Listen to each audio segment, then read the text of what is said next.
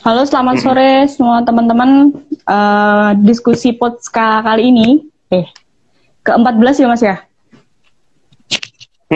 Oh, ke-14 akan membahas skripsi dari Mas Dani. Judulnya, aku bacakan. Skripsi uh, 2015 sih. Adipati Pakualam 8, pejabat Gubernur Daerah Istimewa Yogyakarta tahun 1988 sampai 1998. Berarti 10 tahun ya, pas 10 tahun. Uh, 10 tahun. Ya, jadi nanti mungkin teknisnya akan dijelaskan oleh Mas Dani dulu. Jadi Mas Dani ini aku perkenalan singkat butuh perkenalan Pak Mas dirimu. aku was di diskusi sebelumnya udah dikenalkan Aku nggak pernah memperkenalkan diri sih biasanya ketika saya di moderator. Oh iya, tak kenal kan ya Jadi Mas Denny ini uh, lulusan pendidikan sejarah UNY tahun 2015, sekarang mengajar di Tumbuh Tumbuh School. Tumbuh berapa Mas? Tumbuh High School. Tumbuh High School. Aku, oh, SMA. School. Di SMA, SMA ya. Hmm, di SMA Tumbuh. Uh, ngangkat skripsinya tentang Pakualaman padahal dia orang Madiun. Oh, tuh Mas, bener? bener ya? Oh, oh. Bener ya? Oh ya. Jadi kita akan kupas kenapa nih orang Madiun kok nyasar nih Jogja. Tapi sebelum sebelum masuk ke mungkin pembahasan yang lebih luas, aku pengen bertanya suatu hal yang lebih personal. Kenapa pada akhirnya hmm. mengambil skripsi Pakualam 8? Apakah ada kaitan emosi atau atau atau pertautan pertautan personal lah dengan dengan dengan tema tersebut. Silahkan Mas Dani. Hmm. Oke, okay. hmm, awal mulanya apa ya? Sebenarnya mungkin juga aku sedikit banyak cerita gimana sih kemudian aku akhirnya terdampar di Jogja gitu kan. Dan hidup hmm. lama di sini.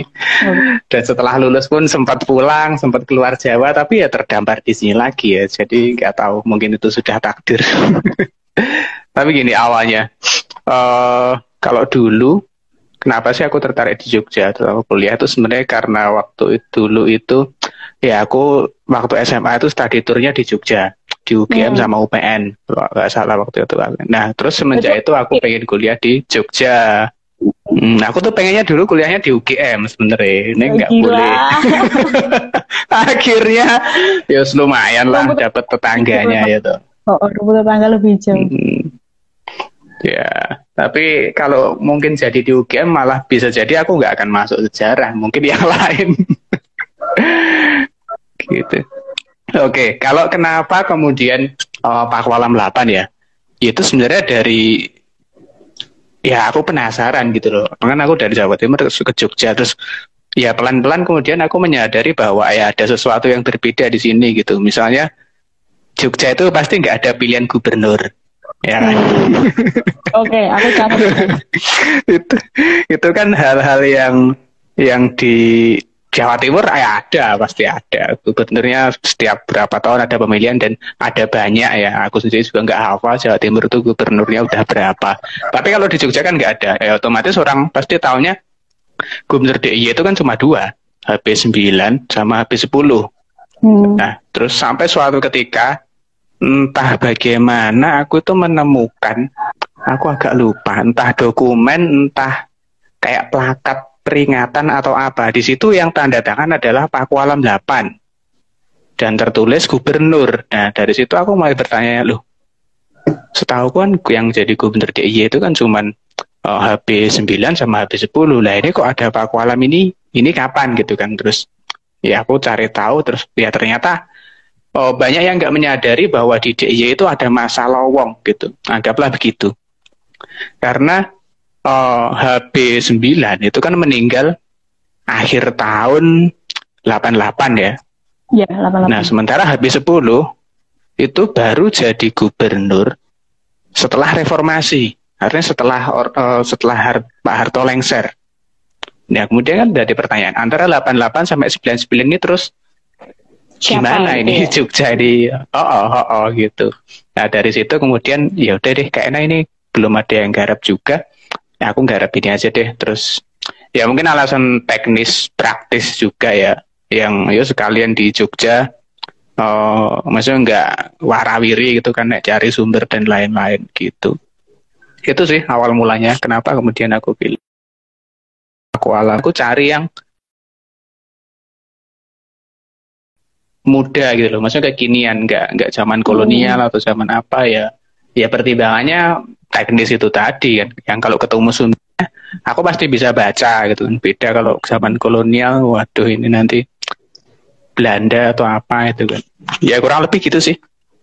Oh oke. Okay. jadi bermula dari rasa penasaran ya. Jadi curiosity kills the gitu ya. Tapi sebelum berbicara soal pakualaman, kukira uh, latar belakang dari ter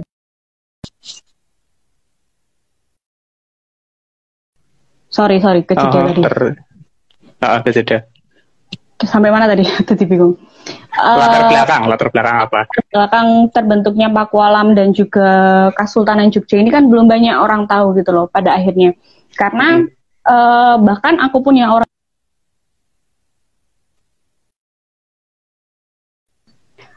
Sorry, tadi keceda lagi.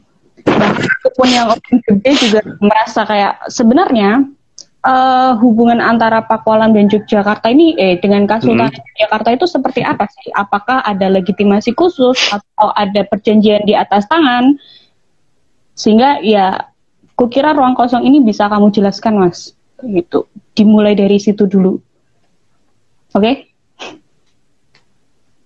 Oke. Okay. Uh, eh, kalau bagaimana hubungan antara pakualaman dan kesultanan itu? Aku kira butuh butuh kajian khusus ya pastinya. Mm. itu butuh kajian khusus dan aku sendiri tidak banyak fokus di situ tuh kalaupun ada aku menyinggung itu itu lebih ke oh, nanti personal yaitu gimana sih hubungan antara pakualam 8 dengan HP 9 mm. tapi hal satu hal yang pasti hubungannya itu berbeda. Kalau kita bandingkan dengan saudaranya ya, saudaranya yang ada di timur. Surakarta sama Mangkunegaran. Itu yes. beda banget. Di periode sebelumnya kan kita udah pernah bahas itu tuh. Uh, tentang apa namanya pada masa uh, proklamasi ya sekitar proklamasi sekitar revolusi itu kelihatan banget kalau di sana uh, antara Sunan dengan Mangkunegoro itu masing kayak sendiri gitu loh. Itu berbeda sekali dengan di DIY. Di sini itu ya nanti kita bahas lagi ya. Amanat okay. yang sangat legendaris itu ya, Amanat 5 September. Itu redaksinya sama. Persis. Antara Pakualam redaksinya sama persis itu ya. Ha -ha, antara HP 9 dan Pakualam 8 itu yang tidak terjadi di Surakarta. Di sana kayaknya beda. Padahal kalau kita hitung tangganya, kayaknya Sunan itu lebih dulu sebenarnya mengeluarkan amanat daripada HP 9 itu. Kalau di sini kan tanggal 5, di sana itu tanggal 1 atau berapa itu kayak lebih duluan. Tapi ya itu tadi. Oh, kalau sejarahnya di Mangkunegaran itu kebetulan kemarin aku juga habis sedikit baca tentang Mangkunegoro ya Mangkunegaran. Itu memang ada upaya untuk dia nggak nggak mau tunduk gitu loh kepada kasunanan cenderung ingin independen gitu. Hmm itu berbeda dengan kalau aku alaman di sini. Cenderung tidak ada apa ya untuk jadi satu daerah sendiri yang lepas dengan kasuna oh maksudnya kasultanan itu tidak tidak sekuat di sana gitu. Itu mungkin jadi kayak memang, gitu kalau kita melihat sekilas hubungannya. Oh oke. Okay. jadi memang dari awal nih Pakualam dan juga Pakualam 8 dan juga HB9 ini ada mungkin kesamaan visi gitu ya dalam menanggapi revolusi Indonesia gitu. Ya gitu ya, mm -hmm. dalam, dikeluarkan dalam uh, ditunjukkan dalam amanat yang mereka keluarkan secara bersamaan. Gitu. Oke. Okay. Mm -hmm. Jadi uh, terus mungkin Mas uh, Mas Denny bisa cerita lebih lanjut nih soal bagaimana hubungan mm. antara antara uh, politik selama selama setelah revolusi gitu loh antara Pakualaman dan juga uh, HB9. Gitu. Kalau HB9 kan dia jelas gitu uh, track recordnya hmm. dia jadi wakil perdana menteri, dia jadi menteri pertahanan, dia juga jadi uh, apa namanya wakil presiden. Nah, bagaimana dengan Pak Walang? Ya, nah justru di situ.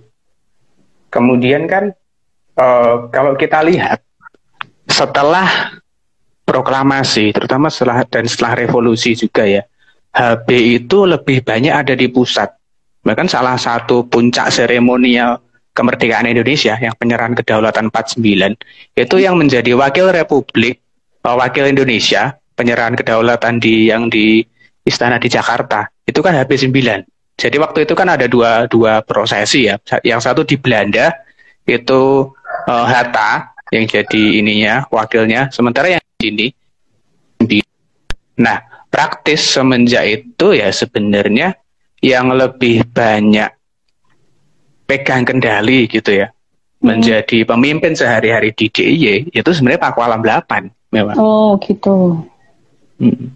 Karena Habib banyak di pusat dan jabatan-jabatan yang beliau emban itu strategis. Sulit kayak kalau rangkap gitu kan, rangkap rangkap wapres sekaligus gubernur, ya itu kan juga Iya, itu kayaknya nggak ada deh orang selain HB9 yang pernah kayak gitu. Wakil presiden ngerangkep gubernur. Itu nggak dilepas loh ya gubernurnya ketika HB9 hmm. jadi wapres. Hmm. Jabatan uh, gubernur DIY-nya HB9 itu lepas ya ketika beliau meninggal itu. Tapi ketika jadi wapres enggak, masih. Oh gitu. Jadi uh, sebenarnya yang piagam dari Soekarno dan juga Hatta setelah hmm. setelah kemerdekaan itu tuh sebenarnya isinya apa? Lebih tepatnya? Oh, kalau yang piagam, oh, piagam dari katakanlah dari Republik Indonesia ya waktu itu, karena Soekarno Hatta kan mewakili Republik Indonesia. Itu sebenarnya kurang lebih menetapkan uh, eh, HB dan Pak Walam ya pada kedudukannya. Kalau nggak salah redaksinya itu cuman kayak gitu sebenarnya. Jadi tidak dijelaskan siapa yang pada akhirnya memimpin dan siapa yang jadi wakil pemimpinnya gitu. Oh, oke. Okay. Ini ini jadi menarik ya karena hubungan hubungannya antara Papua dan juga HP 9 ini pada akhirnya uh, semacam kayak apa ya? Mungkin kepercaya, kepercaya atas dasar percaya atau atau itu jadi tidak ada legitimasi secara khusus untuk menunjukkan bahwa hmm. uh, Papua ini akan jadi wakil gubernur dan juga Sultan HB 9 ini akan jadi gubernurnya kayak gitu kan ya Mas ya? Oh, oh, itu muncul pembagian itu jelas itu ketika lahir eh, undang-undang tentang pemerintah daerah, khususnya ya hmm. ya tentang daerah istimewa yang tahun 50. Nah, di situ baru akan menjadi jelas bahwa Sultan itu gubernur dan oh, Pak Walam, Pak Walam 8 itu adalah wakil gubernur. Tapi kalau kita lihat sebelum sebada di di amanat 5 September itu kan juga nggak ada. Bahkan amanat 5 September itu kan di daerah istimewa kan daerah istimewa Yogyakarta itu kan belum muncul. Di situ kan yang muncul adalah Kesultanan dan Pakualaman gitu. Mm.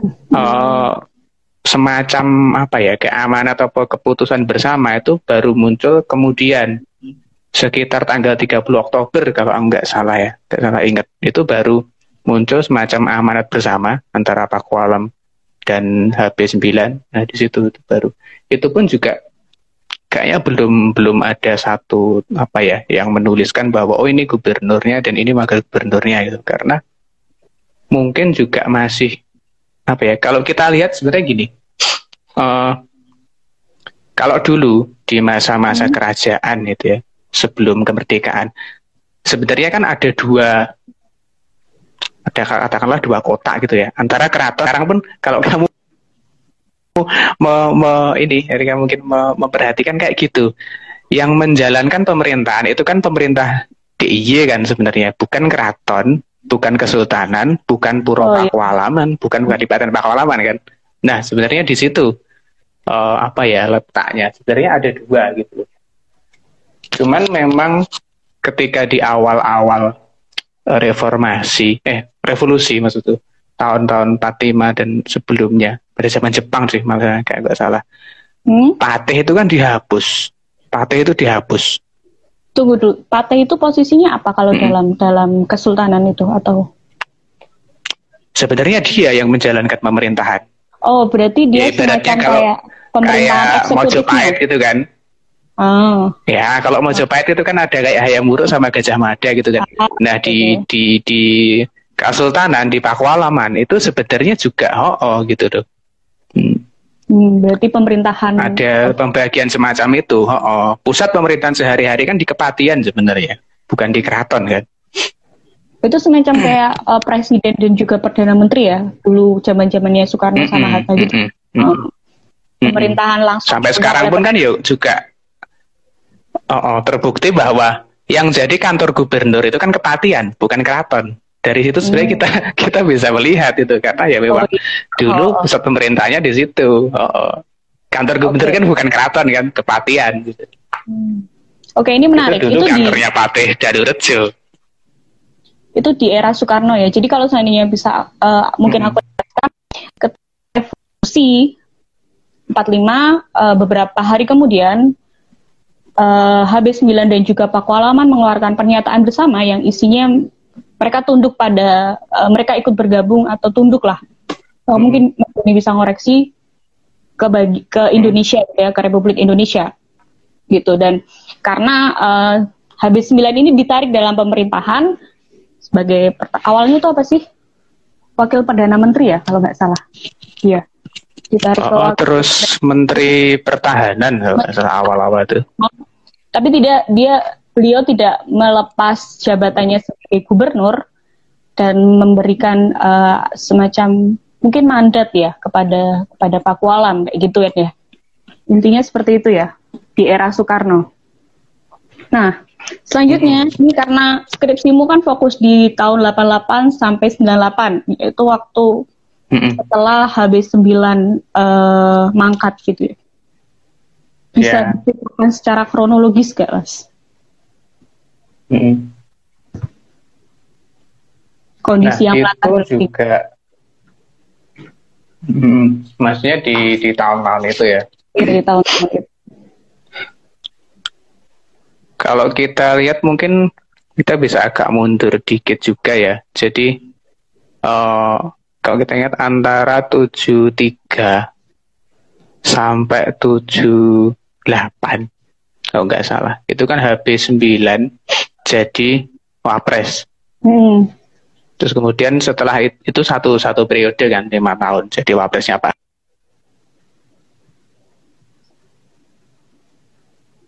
Harta uh, ini gimana itu kan seorang apa namanya sultan kok bisa jadi wakil bagi seorang kawulonya? Itu kalau kalau kita melihat tata politik tradisional itu membingungkan gitu. Tetapi ya karena kemudian yang lebih dominan itu adalah tata negara Republik Indonesia ya ya oke okay, gitu kan. Jadi nggak masalah itu. Hmm. nah setelah itu oh, HB 9 pun juga walaupun nggak jadi wapres tet, apa ya beliau banyak tetap banyak di luar gitu di kegiatan pramuka dan lain-lain. Nah beliau dikenal sebagai jadi bapak pramuka itu kan setelah itu sebenarnya setelah beliau jadi wapres itu. Beliau menarik diri dari politik dan aktif di kegiatan-kegiatan sosial gitu. Terus ya 88 ya kemudian 88 uh, HB meninggal di Amerika hmm. di rumah sakit Josh Washington kalau nggak salah ya waktu itu. Kemudian nah otomatis kemudian ya jabatan sebagai gubernur itu kan berakhir ya kemudian. Terus kemudian sempat muncul polemik waktu itu. Sempat muncul polemik. Eh saya mungkin aku lagi sampai kejadiannya HB 9 di Amerika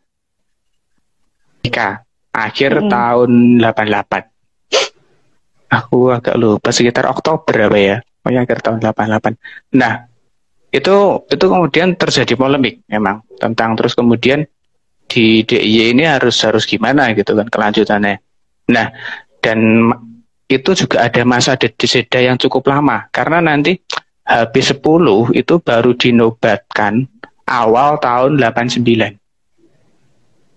Hmm, Jadi secara Kesultanan itu juga pernah mengalami masa ini sih masa lowong aku nggak tahu masa lowong itu mungkin karena persiapan atau karena apa ya. Yang jelas Hmm. ada waktu cukup cukup panjang waktu itu.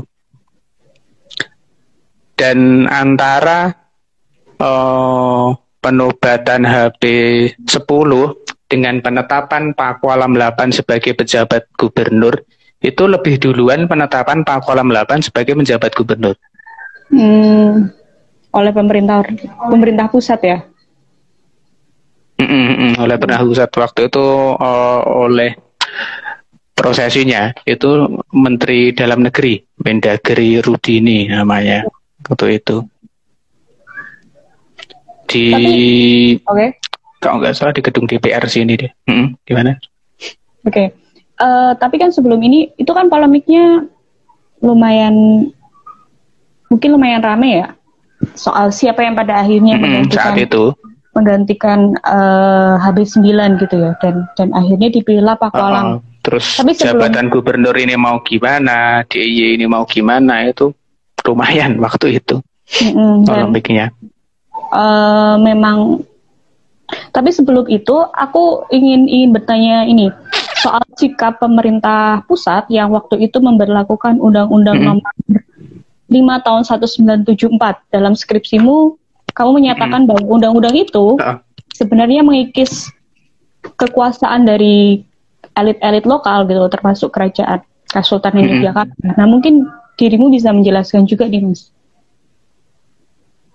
mm. Belum nanti Kalau Mas- itu Mm, jadi memang tahun tahun 74 ya undang-undang itu lahir dan itu unik juga sebenarnya. Kenapa gitu? Karena ketika undang-undang tentang pemerintah daerah itu lahir gitu ya. Itu posisinya kan apa namanya? Hmm, ini ya, tentang pokok-pokok pelaksanaan pemerintahan di daerah. Posisinya HB9 kan ada di posisi wakil presiden waktu itu Mm, tahun 74 itu. Eh, dan kenapa kok mungkin dibilang mengikis kekuatan elit lokal atau apa itu ya? Ya karena semangatnya sentralisasi itu. Semangatnya sentralisasi. Memang ya kita tahu jadi oh ya orde baru kan begitu. Desentralisasi itu kan baru Hmm. mengemuka lagi pasca reformasi kan.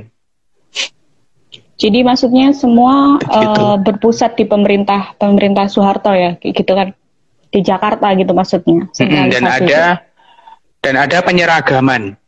Penyeragaman struktur. Ada penyeragaman struktur Oh, dari iya, provinsi-provinsi dari apa ya tata pemerintahan itu disamakan semua. Dan itu sebenarnya problem sih sebenarnya. Kalau karena mungkin kalau teman-teman di luar Jawa mungkin lebih merasakan itu. Karena tata pemerintahan misalnya kayak RT RW terus desa kecamatan itu kan sebenarnya sistem yang mungkin dalam tanda kutip coraknya Jawa sih. Dan itu belum belum tentu pas sebenarnya ketika dibawa keluar Jawa. Karena mereka mungkin sistemnya satuan-satuan politiknya itu berbeda. Mungkin ukuran satu desa di Jawa di sana mungkin berapa itu merepotkan sebenarnya. Hmm, oke. Eh, teman-teman sebelum Mas Dani melanjutkan, silakan jika teman-teman mau bertanya, karena ini sebenarnya bukan diskusi satu arah saja sih, kita diskusi santai yang juga melibatkan teman-teman semua gitu. Jadi kalau seandainya ada pertanyaan, silakan langsung bertanya. Gitu ya Mas Dani ya. Oke, silakan. Aku sambil buka-buka skripsi itu juga Oh, oh iya. Oke, terus tadi soal eh, setelah mangkatnya HB9 ya. Oke, kita tahu bahwa pemerintah pusat Hmm. mencoba untuk mengikis eh, kekuatan elit lokal gitu ya. Itu jadi jadi catatan penting karena nanti setelah HB9 diangkat sebenarnya eh se- HB9 mangkat eh Hmm. Pakualam diangkat sebagai gubernur dengan aku nggak tahu sih aturan khususnya soal apa. Sedangkan waktu itu HB10 itu juga diangkat sebagai Raja Kesultanan Yogyakarta. Jadi ada semacam apa ya kalau aku nyebutnya dualisme kepemimpinan antara yang satu kepemimpinan secara adat yang dipimpin oleh Habis 9 dan yang Ah. satu lagi adalah pemimpinan kepemimpinan politik atau birokrat lah yang dipimpin oleh Pakualaman ke-8 gitu kan ya. Mm, mm, mm. Mm, mm, mm, Oke, oh. Ya. Nah, ini aku kebetulan ketemu ya. Jadi eh, penunjukan atau penetapan Pakualam sebagai gubernur atau sebenarnya bukan gubernur ya, penjabat gubernur DIY. Kenapa Mhm. bukan gubernur dan penjabat gubernur? Nanti juga akan saya oh, saya ini ya, kenapa begitu. Nah, itu berdasarkan eh, kepres. Jadi itu keputusan langsung dari presiden, kepres 5 Desember 88 nomornya nggak saya bacain ya. Tapi itu berdasarkan kepres eh, dan di kepres itu dijelaskan bahwa eh, memberhentikan HB9 dan menetapkan eh, Pakualam 8. Jadi dua ya. Karena ya pastilah HB9 diberhentikan dulu gitu kan. Kalau enggak ya gimana nanti ada dua Wah. gubernur gitu. Nah, itu Desember 88 ya. Sementara HB10 itu baru dinobatkan itu 89. Hmm. Jadi lebih lebih duluan penetapan gubernur daripada penetapan sultan. Penobatan ya Pak Sultan, bukan penetapan daripada penobatan sultan sebenarnya. Itu pertama. Terus kemudian kan mungkin juga muncul tanda tanya ya. Terus kemudian eh, lalu habis 10 tuh waktu itu ngapain nggak punya jabatan gitu kan. Hmm. ya kayak gitu juga ya. Ya kan eh, ya, yang seperti aku bilang tadi Er, sebenarnya kan memang ada dua gitu. Jadi ada eh, pemerintahan katakanlah ada Pemda DIY dan ada keraton kan sebenarnya begitu. Dan yang Hmm. menjalankan praktek pemerintahan sehari-hari itu kan sebenarnya Pemda DIY. Ya simpelnya ya kemudian begitu. Kepala pemerintahan Pemda DIY yaitu Pakualam 8 kemudian walaupun statusnya tidak gubernur penuh ya. Sementara HB10 ya dia pemimpin kesultanan gitu, pemimpin keraton kesultanan yang ya tidak punya posisi di struktur eh, tata pemerintahan mungkin Republik Indonesia yang legal formal gitu ya. Tetapi di dalam adat ya dia punya posisi pasti gitu. Oke. Eh, tapi sebenarnya Hmm, jeda lagi. Tapi sebenarnya eh, itu nggak sih pemerintah pusat punya pilihan untuk mengangkat HB10 sebagai gubernur kan? Iya gitu kan? Ah, Atau atau enggak? Atau mungkin ya. kenapa aku melihat sebagai suatu suatu Ah. usaha untuk memang memang mengurangi itu Mm-mm, eh, apa ya kekuasaan kekuasaan mm-mm. di Yogyakarta gitu loh. Jadi daerah istimewa tapi hak istimewanya tuh mau mencoba dikurangi perlahan-lahan gitu kan sama pemerintah pusat. Iya. Aku kok merasanya seperti itu. Oh, Nah, masalahnya problemnya itu juga R. Eh, keraton itu cukup lama, butuh waktu. Jadi antara meninggalnya HB9 sama penobatan HB10 itu jedanya cukup lama. Dan di waktu jeda itulah pemerintah pusat mengambil keputusan menetapkan Pakualam. Aku nggak Hmm. tahu gimana ceritanya. Misalnya keraton itu gercep gitu kan katakanlah ya Mm-mm, mm-mm.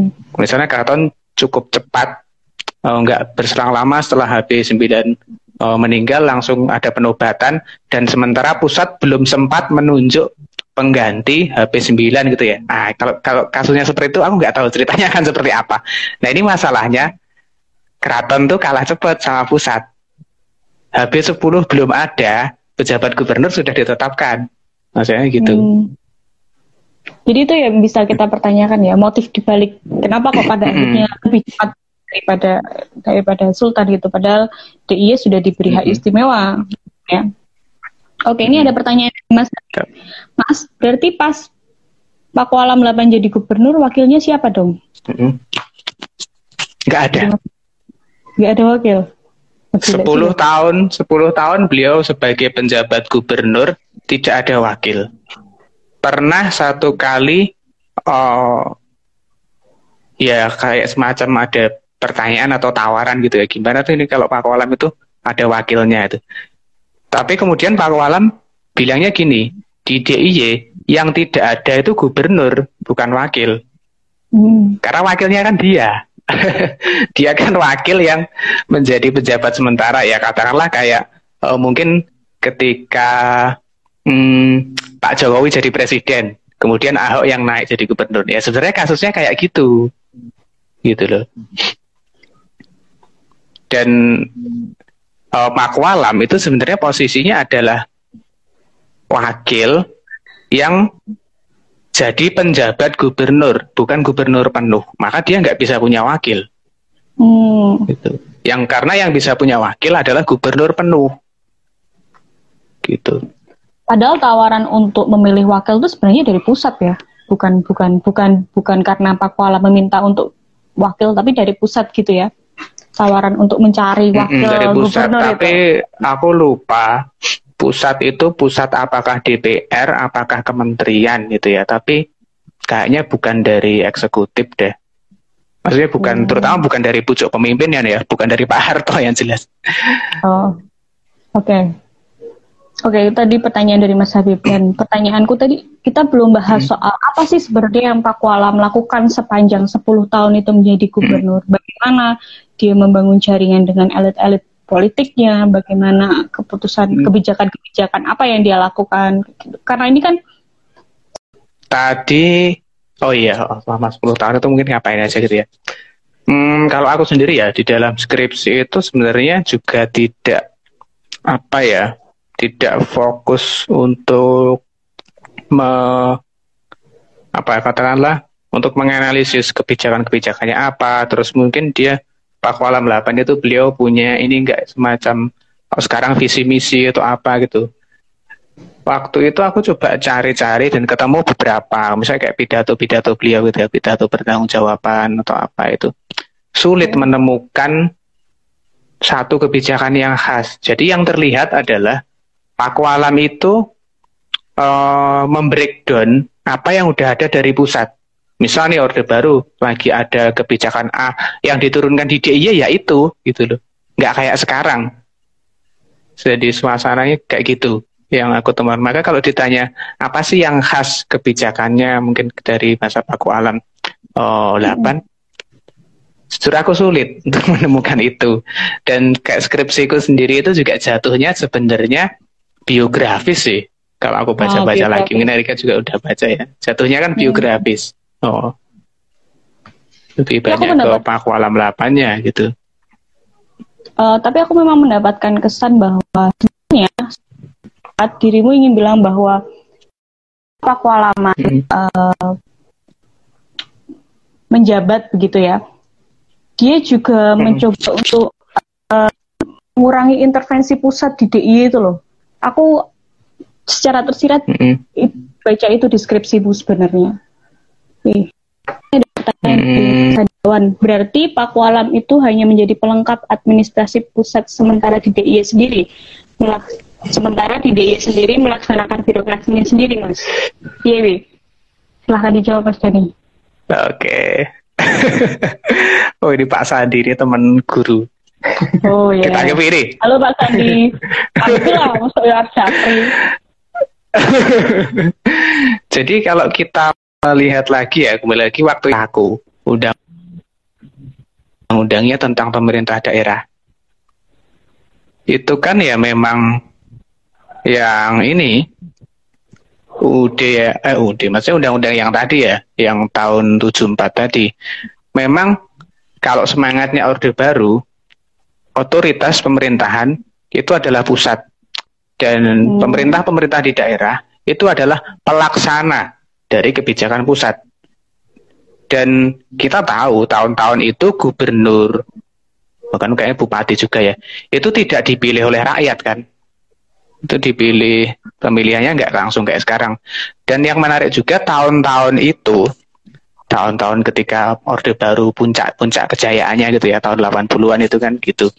Itu 80-an sampai ya awal 90-an mungkin masih Orde Baru masih powerful ya. Nanti mungkin setelah 95 atau apa. Ya, tetapi semangatnya waktu itu juga oh, aku sempat baca itu yang di tulisnya siapa ya aku lupa. Soeharto dan Barisan Jenderal Orba itu Jenkin hmm. ya. Wah aku nggak nah, ya. Mungkin itu nanti bahkan bisa pernah di satu mm, pernah di satu periode itu uh, dari waktu itu provinsi Indonesia itu sekitar 26 apa 27 ya. Itu kayaknya hampir 20-an itu militer, bayangkan. Entah itu militer murni atau militer tituler kayak yang namanya siapa? Uh, Nugroho Noto Susanto itu ya. Militer tituler. Jadi zaman Orde Baru itu kan biasa. Gubernur, bupati, mungkin camat itu adalah militer aktif itu kan sesuatu hmm. yang biasa. Itu terjadi itu. Dan Jogja adalah salah satu uh, katakanlah daerah istimewa tingkat provinsi yang bisa sedikit banyak lolos dari itu. Hmm. Karena Jogja pasti nggak mungkin, nggak pernah uh, gubernurnya militer, nggak pernah. itu tidak terjadi di DIY itu dan kalau bisa dibilang ya mungkin posisi strategis dari Paku Alam itu ya dia menjadi kayak ya mungkin sesuai judul tema puskanya itu dia dia menjadi penjaga Alam 8 sebagai penjabat gubernur soal administrasi pengelolaan daerah dan lain-lain oh, Pemda. Itu disamakan dengan daerah lain gitu loh. Berbeda dengan sekarang ya. Kalau sekarang kan sudah ada undang-undang keistimewaan 2012 itu kan. Yang hmm. DIY mungkin punya oh, bisa sekarang kan nama-nama kayak camat dan lain-lain di DIY kan sebenarnya udah udah di, diubah kan namanya. Kalau dulu nggak bisa kayak gitu, dulu nggak bisa ya harus harus sama gitu. Nah peran pentingnya Pak Alam 8 itu ya ya di situ gitu dan uh, gimana ya mungkin yo istilahnya kalau wong wong Jawa itu dilalah gitu ya kok yo Paku Alam 8 itu panjang umur Beliau meninggal setelah Pak Harto lengser. Bayangkan kalau Pak Alam itu meninggal nggak lama setelah habis 9 meninggal. Aku nggak tahu masa depan keistimewaan Jogja itu akan seperti apa gitu. Hmm. Karena tentu waktu Ada itu habis Oh, oh, habis 10, Pak Alam 9 itu masih ya masih orang-orang yang belum punya power gitu kan di kancah nasional ya untungnya gitu. Untungnya kok ya Pak Kualam 8 tuh meninggalnya ya oh ya setelah Pak Harto lengser itu tuh. Kalau sebelum itu nggak kebayang deh. Jogja itu jadi kayak apa. Maaf. Oh ini ada pertanyaan dari Rimba. Mungkin sedikit mengulangi ya. Maaf hmm. mungkin saya kelewat. Apa motivasimu menyelisih hmm. sosok PA ini Bu? Begitu kata Mas Ini ar gini ya mungkin sedikit ya sedikit dari lagi mungkin sama teman-teman yang tadi belum gabung ya ya karena itu aku orang kan biasanya kan ngomong bahwa DIY itu ya yang yang pernah jadi gubernur cuma ada dua itu cuma HP 9 sama HP 10 gitu ya tapi suatu ketika aku menemukan Oh, tapi aku lupa persisnya apa. Entah dokumen, entah prasasti, semacam ada tanda tangan gitu ya dari kepala daerah. Dan itu yang tanda tangan adalah Pak Kuala 8 bukan HP. Dari itu aku kemudian bertanya-tanya, lah ini istilahnya kalau bahasa Jawanya kan Pak Kualam ini dapo apa waktu itu kok dia bisa tanda tangan sebagai atas nama oh, kepala DIY gitu kan, kepala Pemda DIY. Dari situ kemudian aku cari bahwa ya ternyata emang ada masalah wong. Dari hmm.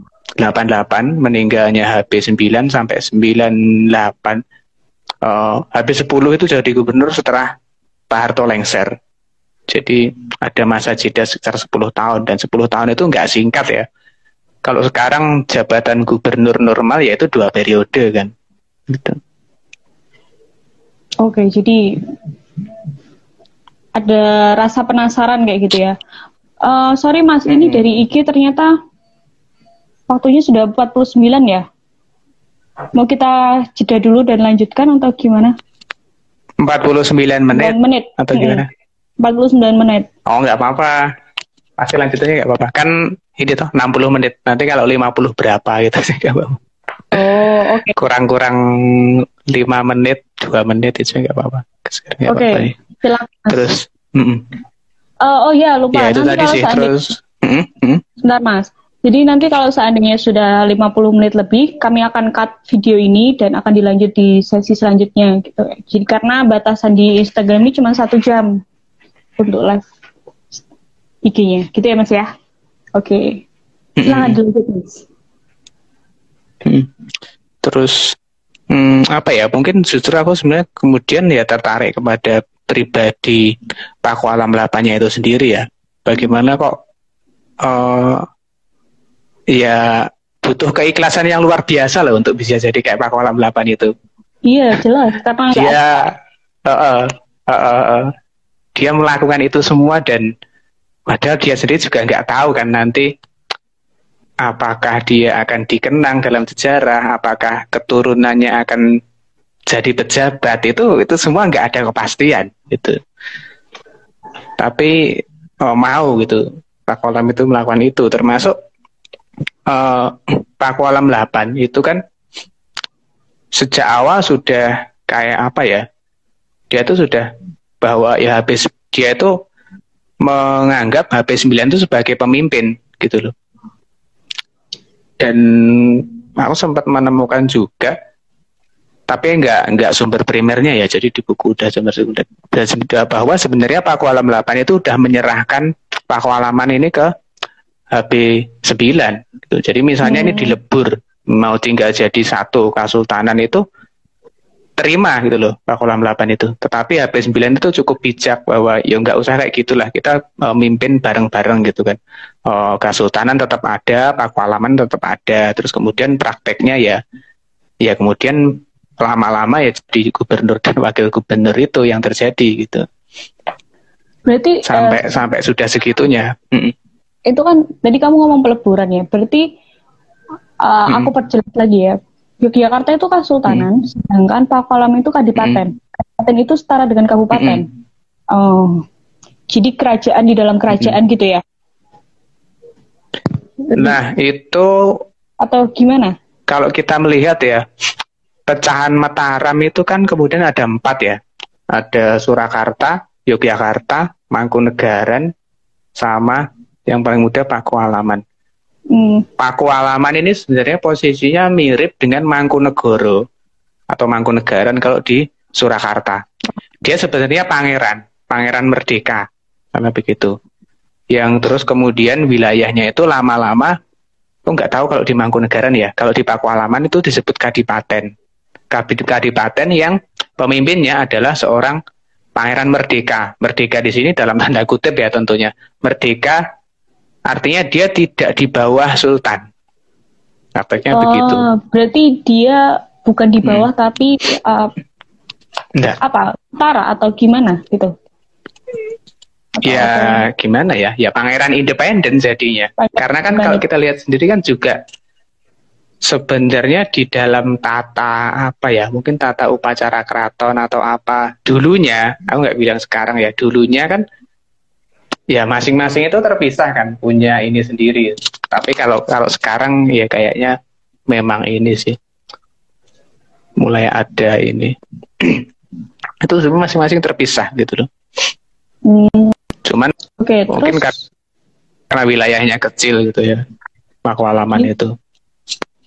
ini jadi makin menarik ya karena oh ternyata mereka uh, kerajaan yang terpisah dan dan tidak ada ikatan mm-hmm. hukum secara secara secara jelas ya atau tertulis soal bagaimana mm-hmm. Paku Alam dan juga Kasultanan Yogyakarta ini terhubung gitu ya. Mm-hmm. Oke, okay, gitu. Kalau merujuk ke pernyataan-pernyataan kan Paku Alam itu munculnya ketika pendudukan Inggris ya, uh, Raffles. Mm-hmm. Itu sebenarnya pernyataan-pernyataan waktu itu ya, misal waktu itu yang di Jogja itu residen oh namanya sulit aku mau menyebutkan ya dia bilangnya bahwa ya Pak Walaman itu independen gitu, tidak tidak di bawah uh, Sultan, dia langsung di bawah pemerintahan kolonial posisinya gitu. Ya, ini bisa dijadiin apa ya penelitian lebih lanjut ya soal bagaimana uh, bisa akhirnya bukan kerajaan-kerajaan lokal gini ya. Uh -uh. Nah itu bisa bisa uh -uh.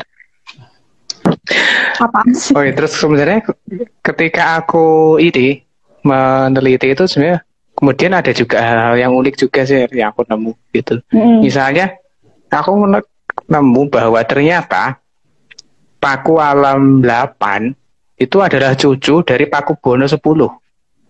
Dari Paku Bono 10, Surakarta ya? Ah, iya. Mm. Oh, itu itu unik gitu loh. Gimana gitu? Biar jelas. Sebenarnya kita tahu. Jadi kalau mungkin teman-teman yang pernah baca atau belajar tentang Surakarta ya biasa mungkin raja terakhir yang cukup powerful dan tapi kadang dikenal lebih sering dikenal sebagai orang yang glamor gitu itu kan hmm. Paku Buwono 10 beliau kalau ke mana-mana itu selalu full uh, penghargaannya dipakai semua terus orang pertama katakanlah Bumi Putra gitu ya yang punya mobil itu kan Paku Buwono 10 dan juga bertahta cukup lama tetapi ternyata uh, selain mungkin hal-hal yang kayak unik nyentrik atau kesukaannya kepada kemewahan itu ya. Paku Buwono 10 itu termasuk orang yang cukup apa ya? Mungkin kalau aku mikirnya cukup visioner juga sebenarnya gitu loh. Karena Paku Buwono 10 itu ternyata berusaha untuk membangun jejaring pernikahan antara hmm. kerajaan-kerajaan oh, pecahnya Mataram. Misalnya kalau yang aku ketemu ya, itu memang Paku Buwono 10 itu memang menawarkan putrinya ke Pakualam gitu loh untuk dinikahi. Dan jadilah itu ibunya Pak Alam 8. Jadilah, oh iya iya iya. Mm -mm. Okay, okay. Makanya kalau mungkin teman-teman melihat oh, pakaian-pakaian atau seremonial Pak Alam yang dulu-dulu itu cukup kental kemiripan dengan Surakarta teman-teman kalau ke Ulun Sentalu atau mana pakaian-pakaiannya itu mirip banget. Itu karena itu. Karena dulu permaisuri dari Pakualam, berarti Pakualam 7 ya waktu itu. Itu adalah putri Sunan. Gitu. Hmm. Oke, okay, oke. Okay. Menarik juga ya ternyata. Ya eh sebenarnya nggak mengejutkan hmm. juga ya antara kerajaan lokal punya hubungan-hubungan seperti itu. Oh ya, aku mau hmm. tanya Mas, apakah selama Pak Kualam hmm. menjabat sebagai menjabat tugas gubernur, dia ada gesekan dengan hmm. juga nggak? Atau adakah jejak-jejak itu? Kalau dengan Kesultanan, kayaknya nggak ada deh. Aku nggak menemukan itu ya. Hmm. Atau tidak ada tuh? itu. Malah, oh, oh, ada hal yang unik nanti itu. Jadi ketika 98 itu kan mulai gejolak nih tuntutan untuk reformasi kan muncul di mana-mana termasuk saling salah satu yang paling besar itu kan juga di DIY karena di sini banyak kampus-kampus gede kan mm. nah itu yang unik nah itu momen ketika HB10 mulai muncul dia dapat momennya kan di situ ada Piswanan Agung. Nah yang unik di Piswanan Agung itu yang istilahnya jadi tokoh sentralnya itu HB10 dan Pak Kualam itu mendampingi. Bayangkan itu pada gubernurnya dia. Dan dia lebih sepuh gitu ya. Terus kemudian mengeluarkan semacam apa ya ya maklumat atau apa itulah untuk oh, mungkin rakyat itu gimana untuk menyikapi oh, reformasi sebentar. Kayaknya aku ada deh. Ini ya.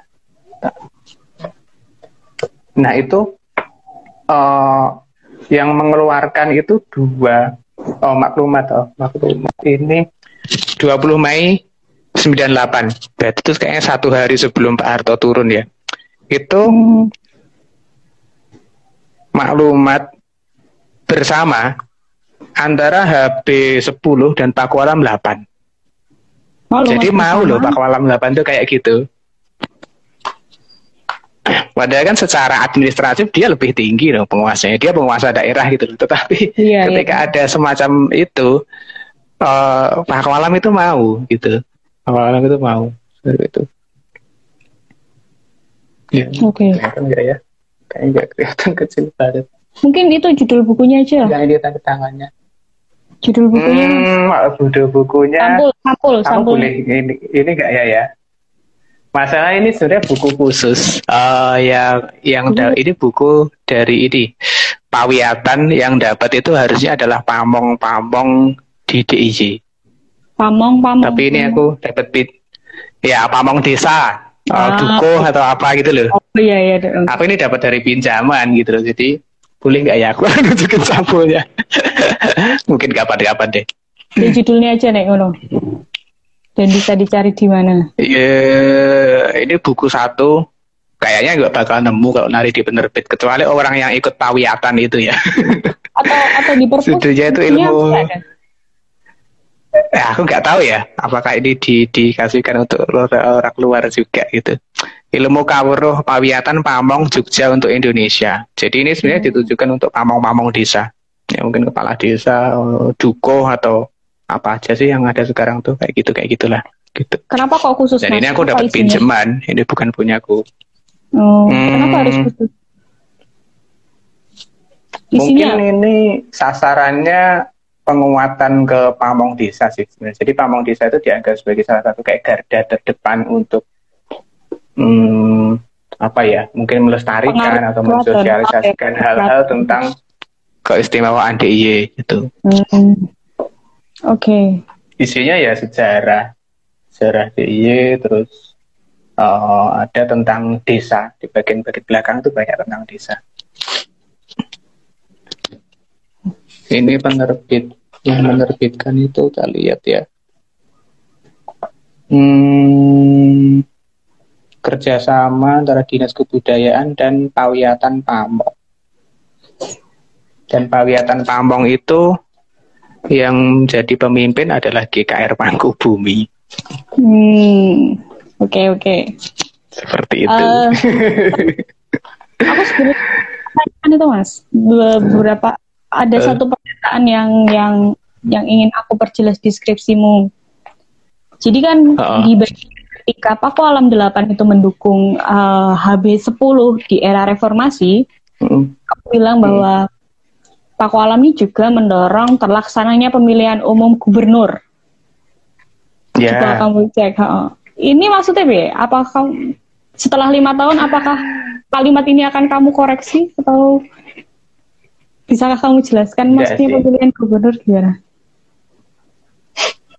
Ya, mungkin karena momentum ya. Ini ya. Jadi karena setelah 98 itu kan kemudian ada momentum kayak desentralisasi dan Paku Alam 8 sendiri juga sudah sepuh kan. Beliau lahir 1910. Hmm. Jadi 98 itu usianya adalah 88 tahun. Bayangin aja 88 tahun masih jadi penjabat gubernur itu kan ya sesuatu yang uh, berat gitu. 88 beliau ketika di, ditetapkan sebagai pejabat gubernur itu usianya sudah 78 tahun bayangkan dari usia 78 sampai usia 88 menjadi pemimpin DIY sendiri tanpa wakil Pak Pak Amin itu sekarang berapa ya usianya? itu kan ya termasuk orang yang stamina nya dahsyat juga sebenarnya Pak Kolam 8 itu beliau itu sebenarnya gitu.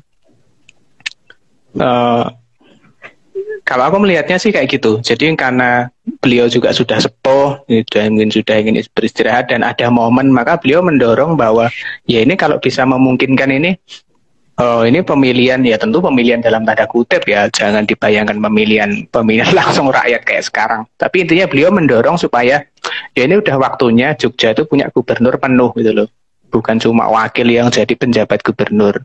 Dia beliau mendorong kayak gitu gitu. Jadi dirimu tidak Karena ingin momennya juga pas. Gitu. Jadi, jadi dirimu tidak ingin mengoreksi uh, pemilihan umum ke pengangkatan gubernur gitu ya? Enggak. Enggak juga sih. Karena kan ya kalau kita mau bicara pengangkatan ya ya siapa yang mau auto diangkat ya karena undang-undangnya kan aku bilang tadi ya undang-undangnya kan belum kayak sekarang ya kalau sekarang kan udah jelas bahwa calon gubernur adalah sultan yang bertahta calon wakil gubernur adalah pakualam yang bertahta tapi ketika itu kayaknya belum ada deh undang-undang kayak gitu hmm oke okay. ada lagi yang uh, dirimu mau bagi nggak mas soal Paku Alam 8 ini? Mungkin ada hal-hal apa ya, ya ketika beliau memerintah itu walaupun aku sebenarnya nggak begitu detail mengkaji ada peristiwa-peristiwa besar yang tapi apa ya walaupun aku mungkin nggak nggak fokus ini terus hmm, fokus di kebijakan tetapi ada hal-hal besar yang kontroversial juga sebenarnya ketika hmm. masa pemerintahan beliau kita tahu periode-periode itu ada Petrus, ada ini kasus yang kemudian ditutup rapat. Mungkin Erika atau teman-teman pernah dengar ya, sum kuning. Pernah Oh, dengar iya. ya? Pernah, pernah. Hmm. Kamu kalau itu punya kan arsipnya periode begitu aku itu mas. juga. Yang sum kuning. Aku Enggak, punya pak. aku nggak menemukan itu. Dia ada korannya dan aku lupa nyimpinya di mana. Aku nggak, ya, aku menemukan itu, tapi itu nggak tak bahas sih kemudian deskripsiku.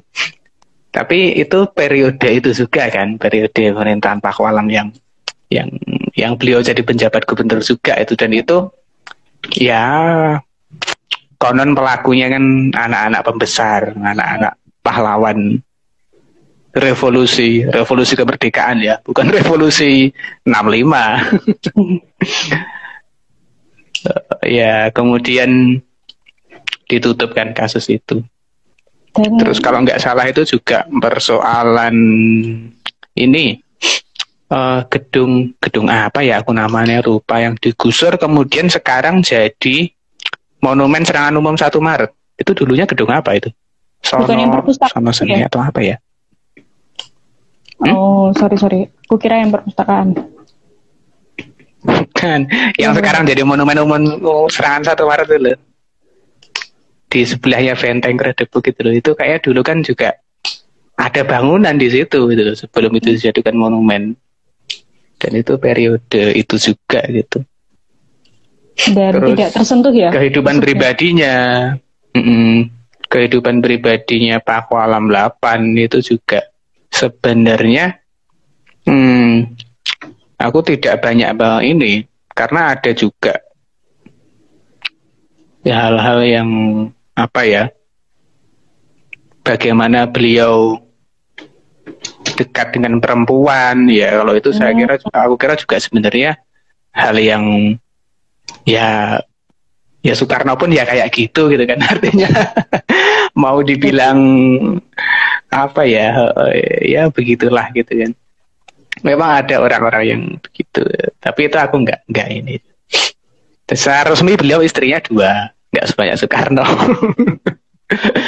Dua untuk ukuran seorang pakualam itu sangat wajar Oh, kira kamu. Oh ya. untuk Oh, ukuran pakualam Iya, untuk ukuran seorang pakualam saat itu punya istri dua itu biasa gitu. Hmm. Habis sembilan aja lima. Tanpa permaisuri ya kayaknya. Eh, Kalau habis sembilan iya, kalau Oh, kalau- pakualam aku enggak ini juga ya, apakah ada permaisuri ya? Kalau habis sembilan, oh lima itu tidak ada yang permaisuri, semuanya sederajat. Oke, eh, kalau bisa mungkin aku simpulkan ya. em, ini lagi-lagi menarik bahwa ketika Pak Walam diangkat menjadi gubernur, sekali lagi dia tidak merasa menjadi gubernur itu sendiri ya. Termasuk ketika pemerintah Hmm. pusat meminta dia untuk mencari wakil gubernur, dia merasa bahwa seharusnya yang dicari itu bukan wakilnya, tapi gubernurnya karena ya, saya Pak Walam itu ya wakil gubernurnya Hmm. gitu kan. Eh, menariknya adalah hubungan yang tanpa tanpa hukum tertulis ini pada akhirnya beliau tuh tetap mendukung HB10. Beliau mendukung HB10 setelah reformasi dan Hmm. memberikan kesempatan bagi HB10 untuk berada di di posisinya yang sekarang kayak gitu kan ya. Mm-mm. Seperti juga kemarin Mas Apri ketika kita diskusi soal Surakarta, aku minta dia, halo Mas Apri, udah bergabung untuk menunjukkan sini ya? sumber-sumber untuk menunjukkan sumber-sumber pembelajaran pembelajaran sumber apa ya istrinya ya sumber sumbernya Sumber kan sejarah. Mas, jadi untuk menunjukkan sumber-sumber skripsi Iya, karena karena dalam Eh. sejarah itu kan sangat penting untuk bagi teman-teman yang bergabung sekarang untuk tahu sumbernya dan Hmm. gimana sih caranya. Itu akan mempermudah kawan-kawan Iya. sejarah lain gitu. Silakan Mas Dedi. Sama oh, oh, dan kadang gini problemnya itu sebenarnya. Hmm? Oh, kita akan sulit ketika sumber itu ada, tetapi jadi simbol, jadi simbol sakral. Oh, gimana tuh? Iya, jelas. Jadi gini, mis- misalnya, misalnya sederhananya aja deh, kayak proklamasi. Atau kalau untuk kasusku ini, misalnya katakanlah amanat 5 September gitu ya. Hmm. Itu kan udah menjadi sesuatu yang sakral. Nah, kalau seperti itu, problemnya adalah mungkin kita bisa ketemu sumbernya, tetapi kita menjadi sulit untuk menganalisis. karena itu sudah jadi sakral itu pernah ada yang dengar nggak orang menganalisis teks proklamasi gitu mempertanyakan kenapa sih oh, oh kok apa kenapa kok ini Indonesia merdeka tetapi di kalimat berikutnya masih ada kata-kata pemindahan kekuasaan dan lain-lain diselenggarakan dengan cara sama dan dalam tempo yang sesingkat-singkatnya. Pernah ada nggak yang mempermasalahkan itu? Membaca teks proklamasi sebagai sumber sejarah. Nah itu berapa? Ya sama kayak kasusku juga gitu loh. Aku juga sulit terutama ya untuk amanat 5 September itu menemukan redaksinya mudah walaupun aku juga nggak menemukan langsung asli teksnya ya aku nggak tahu teksnya di mana ya amanat 5 September itu yang asli tetapi uh, redaksinya kan beredar di mana-mana di jelas pemerintah resmi mengupload ya upload itu tetapi kita menjadi sulit memperlakukan itu sebagai sumber sejarah Padahal itu perlu kita memperlakukan itu sebagai sumber sejarah. Artinya ya ada ada kritik, ada analisis kan ketika itu diperlakukan sebagai sumber sejarah. Oh. Misalnya kalau kayak kasusku, kalau ketika aku membaca amanat 5 September itu sebagai sumber sejarah, menurutku di situ terlihat bahwa uh, langkah HP 9 dan Pakualam 8 itu mereka ya jenius gitu. Mereka satu sisi akan diri mendukung penuh dan bergabung dengan Republik Indonesia. Tetapi mereka menyatakan bahwa mereka berkuasa penuh di daerahnya. Itu kan uh, mereka juga mengunci gitu loh dalam tanda kutip, mengamankan juga posisinya sebenarnya. Kalau itu mau dibaca sebagai uh, sumber sejarah ya, semoga habis ini aku nggak dimarahi orang deh. Karena membaca amanat 5 September sebagai sumber sejarah. Tetapi aku nggak apa ya, justru bukan berarti kalau seperti ini mengurangi kepahlawanan B9 atau Paku 8 enggak, enggak, enggak juga menurut gue konsep kita tentang pahlawan itu juga harus di ini. Artinya pahlawan itu juga nggak harus orang yang wah menyerahkan segala-galanya. Ya nggak gitu juga gitu kan. Nah itu juga problem menurut kita R ketika kita mengkaji seseorang yang dia sudah menjadi kultus menjadi sakral itu jadi repot. Sekarang yeah, repot yeah. kan orang kalau misal mau nulis tentang HP 9 atau Paku Alam secara historis sesuai dengan metodologi sesuai dengan disiplin ilmu sejarah itu susah. Aku pastikan susah. Kenapa? Karena udah jadi sakral gitu. Karena udah jadi sakral. Yeah. Ya itu kalau menurutku sebenarnya ya justru jadinya malah ini juga kita malah jadi kayak nggak menghormati juga itu karena kan kalau menurutku kayak gitu kita jadinya memberhalakan. Hmm. Dan mungkin beliau juga kalau masih hidup ya nggak suka kalau diperlakukan seperti itu. Apalagi kita tahu ya kalau habis 9 Pak Kolam 8 itu orang yang untuk ukuran zaman itu sangat-sangat demokratis. Itu orang-orang yang sangat demokratis, sangat egaliter gitu. Oke, ini uh, aku kasih catatan sendiri membedah suatu hal yang diputuskan hmm. atau disakralkan itu selalu susah ya karena ketika kita berbicara yeah. soal tokoh yang sudah dikutuskan, kita tidak, tidak hanya berurusan dengan si tokoh ini sendiri ya, tapi juga berurusan mm -hmm. dengan orang sekitarnya ini. Wah, ini juga akhirnya mungkin itu yang lebih berat. setelah itu akan ada pertanyaan gitu ya, yang mm -hmm. jadi catatan sendiri mungkin akan jadi bahasan untuk teman-teman lain. Jadi hmm. di ini tidak menemukan amanat amanat 5 September yang asli gitu atau atau sebelumnya enggak, enggak. ada di enggak. Uh, atau uh, monumen monumen pers. Aku yang ketemu itu adalah uh, ini surat-surat kabar, surat kabar, liputan-liputan tentang meninggalnya HB 9 Terus hmm. uh, pelantikan pelantikan Paku Alam 8 itu aku temu ketemu dulu itu di perpustakaan uh, Jogja Library. Tapi sekarang oh, kayaknya udah iya. pindah ya di Malioboro itu dulu itu wah dulu aku langganan di situ. Sampai pernah satu kali itu uh, yang di depan apa itu hotel apa itu. Sampai dulu tuh aku pernah apa ya parkir gitu kan terus uh, aku mau pergi terus mau balik lagi gitu. Aku bilang sama tukang parkirnya dan boleh nggak bayar dulu? Saking seringnya aku ke sana kok ya. Hmm. aku pernah ngalami kayak gitu sampean. Awalnya itu sempat apa gitu ya. Begitu okay. terus. Oh itu yang surat kabar surat kabar. Terus yang di lantai duanya itu dulu aku juga nemukan uh, kayak clipping dulu ada kayak clipping tentang keistimewaan Jogja gitu ya. Jadi berita-berita hmm. tentang Jogja tentang polemik-polemik. Terus aku menemukan kumpulan pidato kumpulan himpunan pidato Pakualam 8 ketika dia jadi gubernur sambutan-sambutan. Dan itu luar biasa ya. Dalam satu tahun satu tahun itu kan berapa hari ya? 360 65 berapa ya? Hmm. uh, itu dalam satu set kumpulan pidato satu tahun itu beliau ngasih pidato sambutan itu bisa 200 lebih uh, nyaris setiap yang hari ya? terdokumentasikan ya? itu aku membayangkan oh, oh aku membayangkan ini yuk, yuk bisa ada orang hampir tiap hari gitu gitu kira ya tiga bulan nggak pidato lah tiga bulan lebih iya iya itu Oke, okay. uh, eh, ini itu kayak gitu dan ya dan tentu dan tentu nggak aku baca semua. itu satu tahun aja segitu ya sepuluh tahun itu. Aku belajar juga.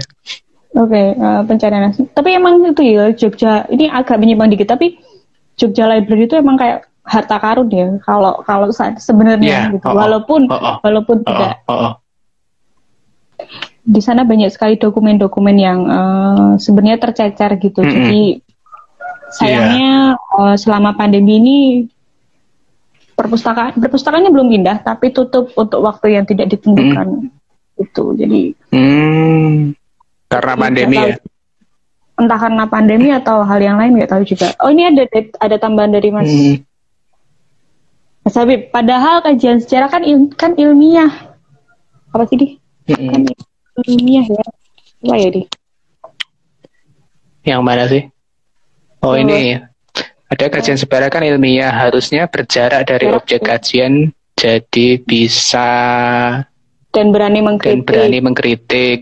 Hmm. kadang kadang yang ilmiah malah jadi alat menciptakan mitos baru dan gak semua baru. hmm. ini dan semua kota macam Jogja itu. Sebenarnya memang idealnya setiap kota itu punya arsip arsip daerahnya sendiri ya. Oh, oh, Ini kan bener, berkaitan dari dari dari kasusmu ya dari skripsimu mas bahkan ketika amanat 5 September tidak bisa kamu temukan uh, salinan aslinya gitu ya. Tapi memang idealnya punya dan hmm. dan dia harusnya terawat gitu. Tapi ya kita tidak tahu sih, tidak semua orang punya perspektif historis yang bagus soal bagaimana memperlakukan arsip-arsip itu sehingga uh, nah begitulah begitu ya mas ya. Halo Mas Oktandi, lagi gabung yuk. Oke. Okay. Selain itu, gimana kamu bisa menceritakan perjalananmu menemukan sumber-sumber skripsi? Hmm, apa ya? Mungkin sebenarnya juga aku bilang juga ya.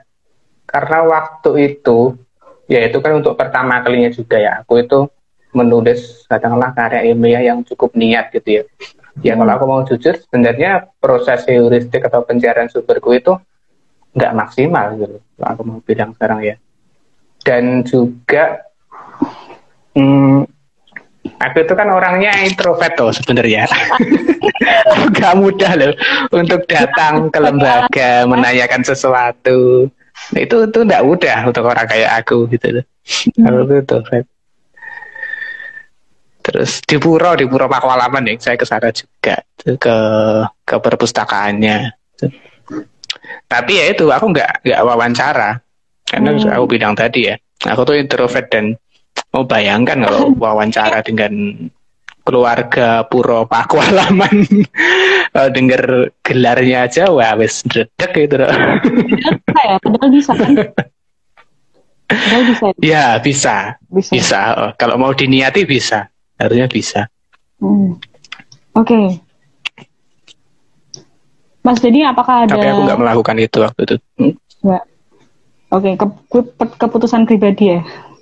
Sekarang kalau seandainya kamu balik Iya. lagi, kamu akan melakukan hal yang sama atau akan memilih wawancara? Hmm. oh ya ya mungkin aku akan melakukannya lebih baik ya. Masalahnya itu juga apa ya? Ya karena proses hmm, ya namanya orang mengerjakan skripsi itu kan juga ada bimbingan juga ya. Karena ketika tidak ada tekanan untuk Mas ini mbok sumbernya nambah atau mbok kamu wawancara ya. Ya udahlah pokoknya ndang lulus gitu kan. Cuman ini, waktu itu aku punya prinsip ya. Prinsipku itu satu, bahwa kalau bisa, eh, ketika aku mengerjakan sejelek-jeleknya karyaku, paling enggak aku tuh ada sesuatu yang baru gitu loh, yang aku tampilkan. Makanya aku berusaha mencari celah, mencari apa sih yang kayaknya itu gede, gede, gede apa ya? Penting maksudnya, penting. Tapi orang belum ngomongin. Nah kalau itu aku yakin lah. Artinya aku cukup pede untuk mengatakan itu gitu loh. Soalmu tuh ya itu dari skripsi. Tapi minimal aku aku mencari sesuatu atau meneliti sesuatu yang itu belum memang belum gitu. Karena kan ya bagiku prinsipnya ketika orang melakukan penelitian sejarah itu kan pilihannya ada dua. Pertama, kamu men- meneliti tema yang sudah diteliti orang lain. Nah, kalau meneliti yang sudah diteliti orang lain itu harus menemukan sesuatu yang baru, entah sumber baru atau tafsir baru. Atau kedua, kamu meneliti yang meneliti. Nah, gitu. Nah, aku memutuskan yang kedua, gitu. Aku mencoba untuk meneliti yang orang belum meneliti. Oke. Ini ada saran dari Mas Habib. Mas, kalau memungkinkan ke depannya dibukukan. Ya, kalau ada yang mau menerima. Independen. Aku udah dong. pernah menyerahkan udah pernah menyerahkan ini apa hasil penelitiannya ke pemprov sih sebenarnya pemprov ya tapi yang nggak tahu terus dikemanakan sama pemprov Oh, ya begitu. Ya, kita paham watak pemprov. menyerahkan ke pensi Oke, eh, Mas Denny karena ternyata nyaris, iya nggak nyaris sih, tapi nyaris satu setengah jam. Eh, kok nyaris sih? oh iya ya oh, oh, Oh, cukup lama ya Mas Denny adakah tambahan lagi eh, untuk terakhir kalinya? Oke. Iya. ya mungkin penutup lah ya penutup Pas habisnya beli penutup banget. oh Wah berat itu nanti harus ada analisis Marxisnya harus saya. kiri. Oke. Mungkin ini ya kalau. Ya intinya apa ya? eh bagiku mungkin ke tema itu ke ke apa ya untuk penulisan sejarah dan tentang tema yang itu Kalau penulisan sejarah itu bagiku bahwa ya ya idealnya ketika orang itu menulis karya ilmiah tugas akhir itu ya ya jangan cuma jadi eh, syarat administrasi gitu ya. ya paling nggak ada kalau bisa ada sumbangsi lah gitu, ada sumbangsi. Perkara nanti setelah kita nulis ada yang melirik atau tidak, ada yang membaca atau tidak, ya itu urusan belakangan. Tapi minimal ada upaya untuk memberikan sumbangsi sesuatu yang baru yang ya kira-kira ini kalau orang mau memanfaatkan bisa dimanfaatkan. Ya, itu Hmm. pertama mungkin kalau menurutku tentang karena ini aku dari skripsi ya kalau tentang skripsi. Nah kalau tentang temanya itu sendiri ya apa ya menurutku juga mungkin Pakualam 8 itu sendiri ya. Ini ya Pakualam 8 itu orang yang dahsyat menurutku. Daya tahannya, keikhlasannya itu sulit mencari orang kayak gitu gitu. Dan mm, dan ini menurutku perlu untuk diteliti lagi secara mungkin lebih lengkap gitu ya. Nanti mungkin biografinya yang lebih utuh lebih kritis itu menurutku perlu gitu kayak gitu tuh. Eh, bukan untuk melegitimasi apa yang ada sekarang gitu ya tetapi untuk kita belajar dari masa lalu itu juga yang menurutku repot karena hari ini itu banyak orang menulis sejarah tetapi untuk melegitimasi apa yang mereka lakukan hari ini, bukan untuk belajar dari masa lalu. Ya teman-teman mungkin ya kalau yang anu sejarah tahu lah, ada yang punya ideologi A, terus kemudian dia menulis sejarah yang mendukung adanya ideologi A itu, ya. entah dalam bentuk film, buku atau apa itu.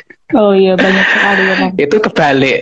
Uh, itu menurutku kebalik. Harusnya ya kita meneliti sejarah itu untuk belajar dari masa lalu gitu, bukan untuk melegitimasi apa yang kita lakukan hari ini ya. Kalau cuma untuk melegitimasi yang kita lakukan hari ini, sebanyak apa pun orang menulis sejarah itu nggak akan ada gunanya. Oh, karena kita nggak belajar dari masa lalu kok. Karena kita cuma melegitimasi apa yang ada hari ini kan. Hmm. Mungkin itu aja sih. Oke, okay, uh, eh, terima kasih. Terusan.